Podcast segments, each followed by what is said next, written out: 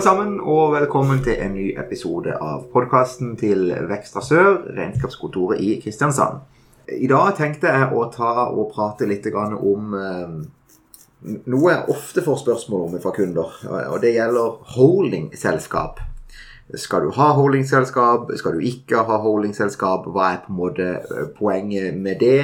Eh, og, og hvem er det som bør ha det, og ikke?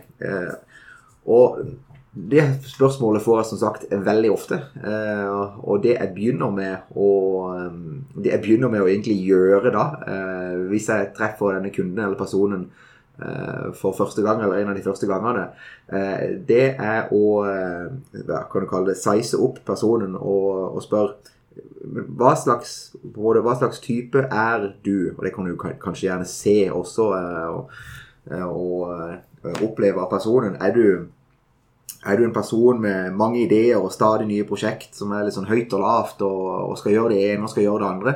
Eller er du en sindig eh, person som skal livnære deg på, på ei næring?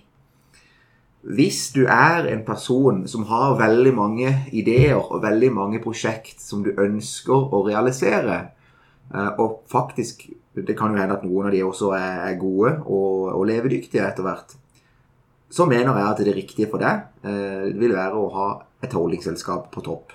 Jeg skal forklare hvorfor. Hvis du er en, eh, en sindig og rolig type, og du skal livnære deg som f.eks. Eh, for eksempel La oss ta snekker, da. Som f.eks. snekker.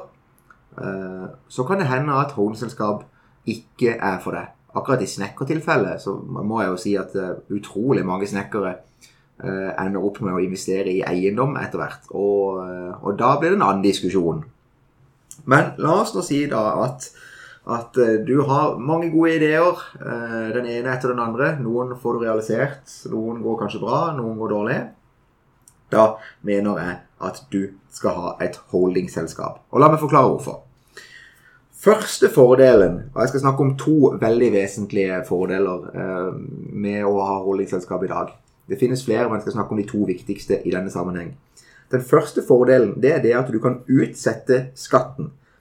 Og jeg skal holde dette så enkelt som overhodet mulig. Vi skal, vi skal, ikke snakke om noe som heter skjermingsrente og fritaksmetoden. Um, vi skal holde det sånn helt basic og veldig enkelt og greit og forståelig. Men vi kan altså utsette skatten. Og hva betyr det? Jo, det betyr at La oss si du at du eier et aksjeselskap. Du eier eh, aksjeselskapet eh, Sko AS. Jeg må kanskje forberede noen eksempler på forhånd. Men Sko AS eier du. Og la oss nå da si at Sko AS det leverer et overskudd på 1 million kroner. Det er hyggelig.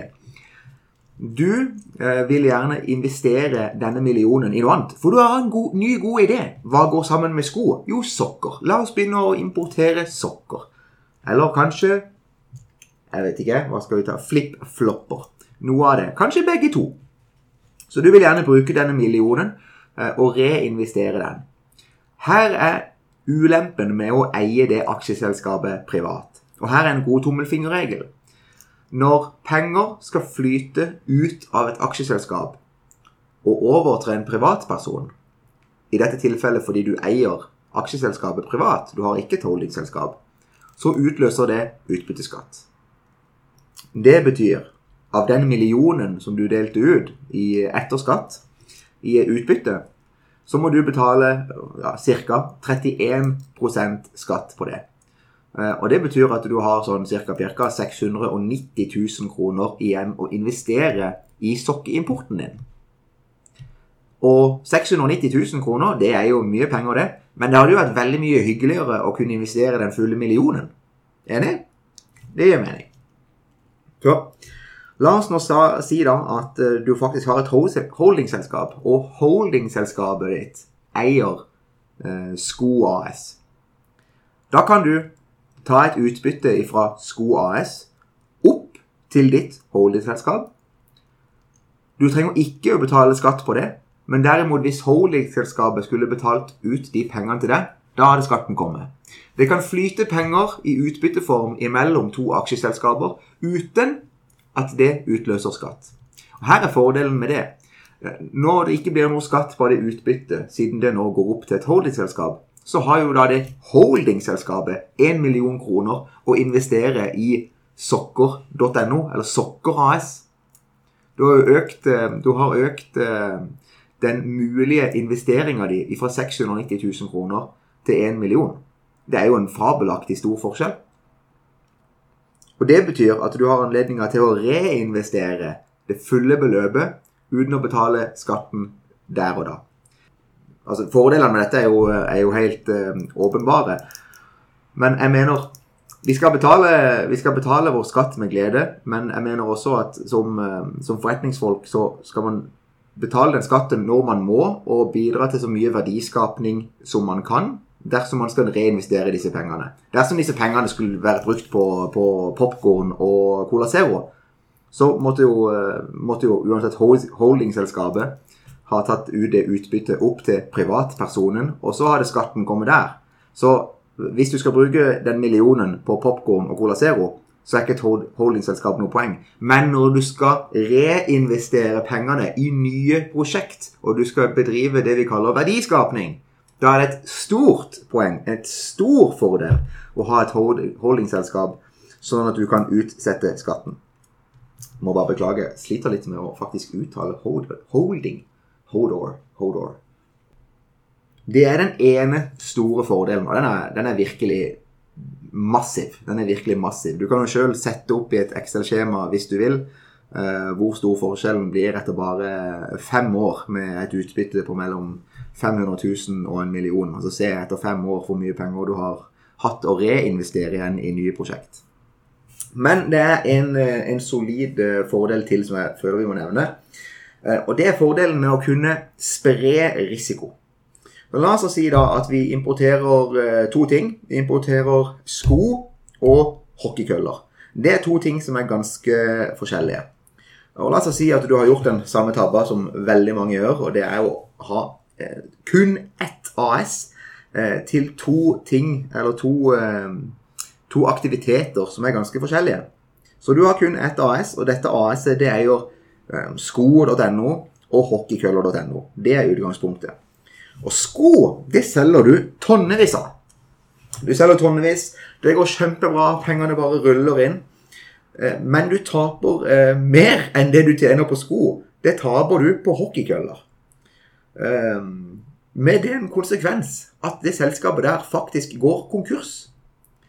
Og det er jo litt kjedelig da, når faktisk du tjente gode penger på sko, og så hadde du veldig stor tro på hockeykøller, men det ble på en måte ikke eh, Det ble ikke noe reelt bra ut av det. Eh, og så gikk hele selskapet konkurs. Pga. at du hadde en del av selskapet som gikk veldig dårlig. Men du hadde jo også en del av selskapet som gikk bra. Dette med skoene var jo levedyktig. ikke sant? Det var jo når du begynte å importere hockeykøller at du rota det til. Så det å samle mange ting i ett AS, det er altså en risiko. Gir det da ikke mening?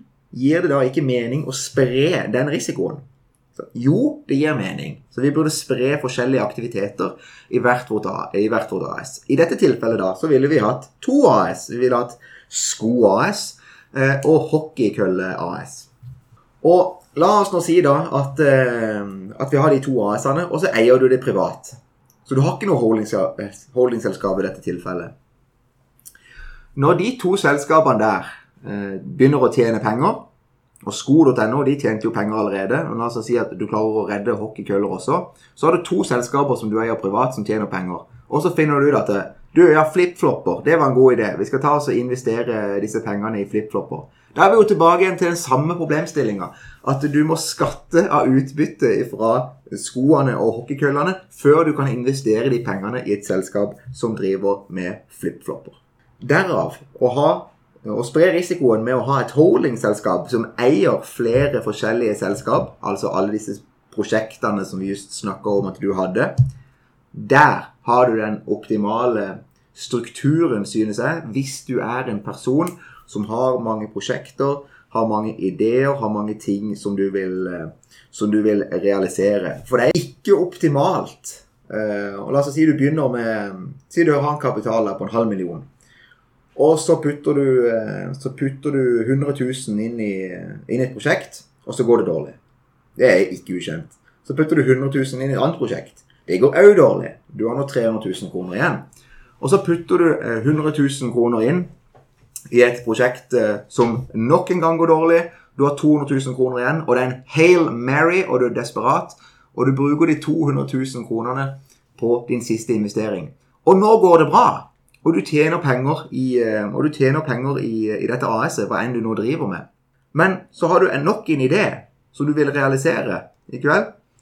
Og hva skal skje? Jo, når du, skal, når du må ha noe penger Du er jo tom for penger. Du har jo benytta alle midlene dine. Du har på en måte benytta lekepengene dine som du kunne investere. Når du da må hente de pengene ut i form av et utbytte, så må du betale 31% skatt på det. Det kunne du sluppet unna veldig enkelt og greit hvis du hadde hatt en holdingselskap til å begynne med, og satt dette opp i den riktige, riktige strukturen fra dag én.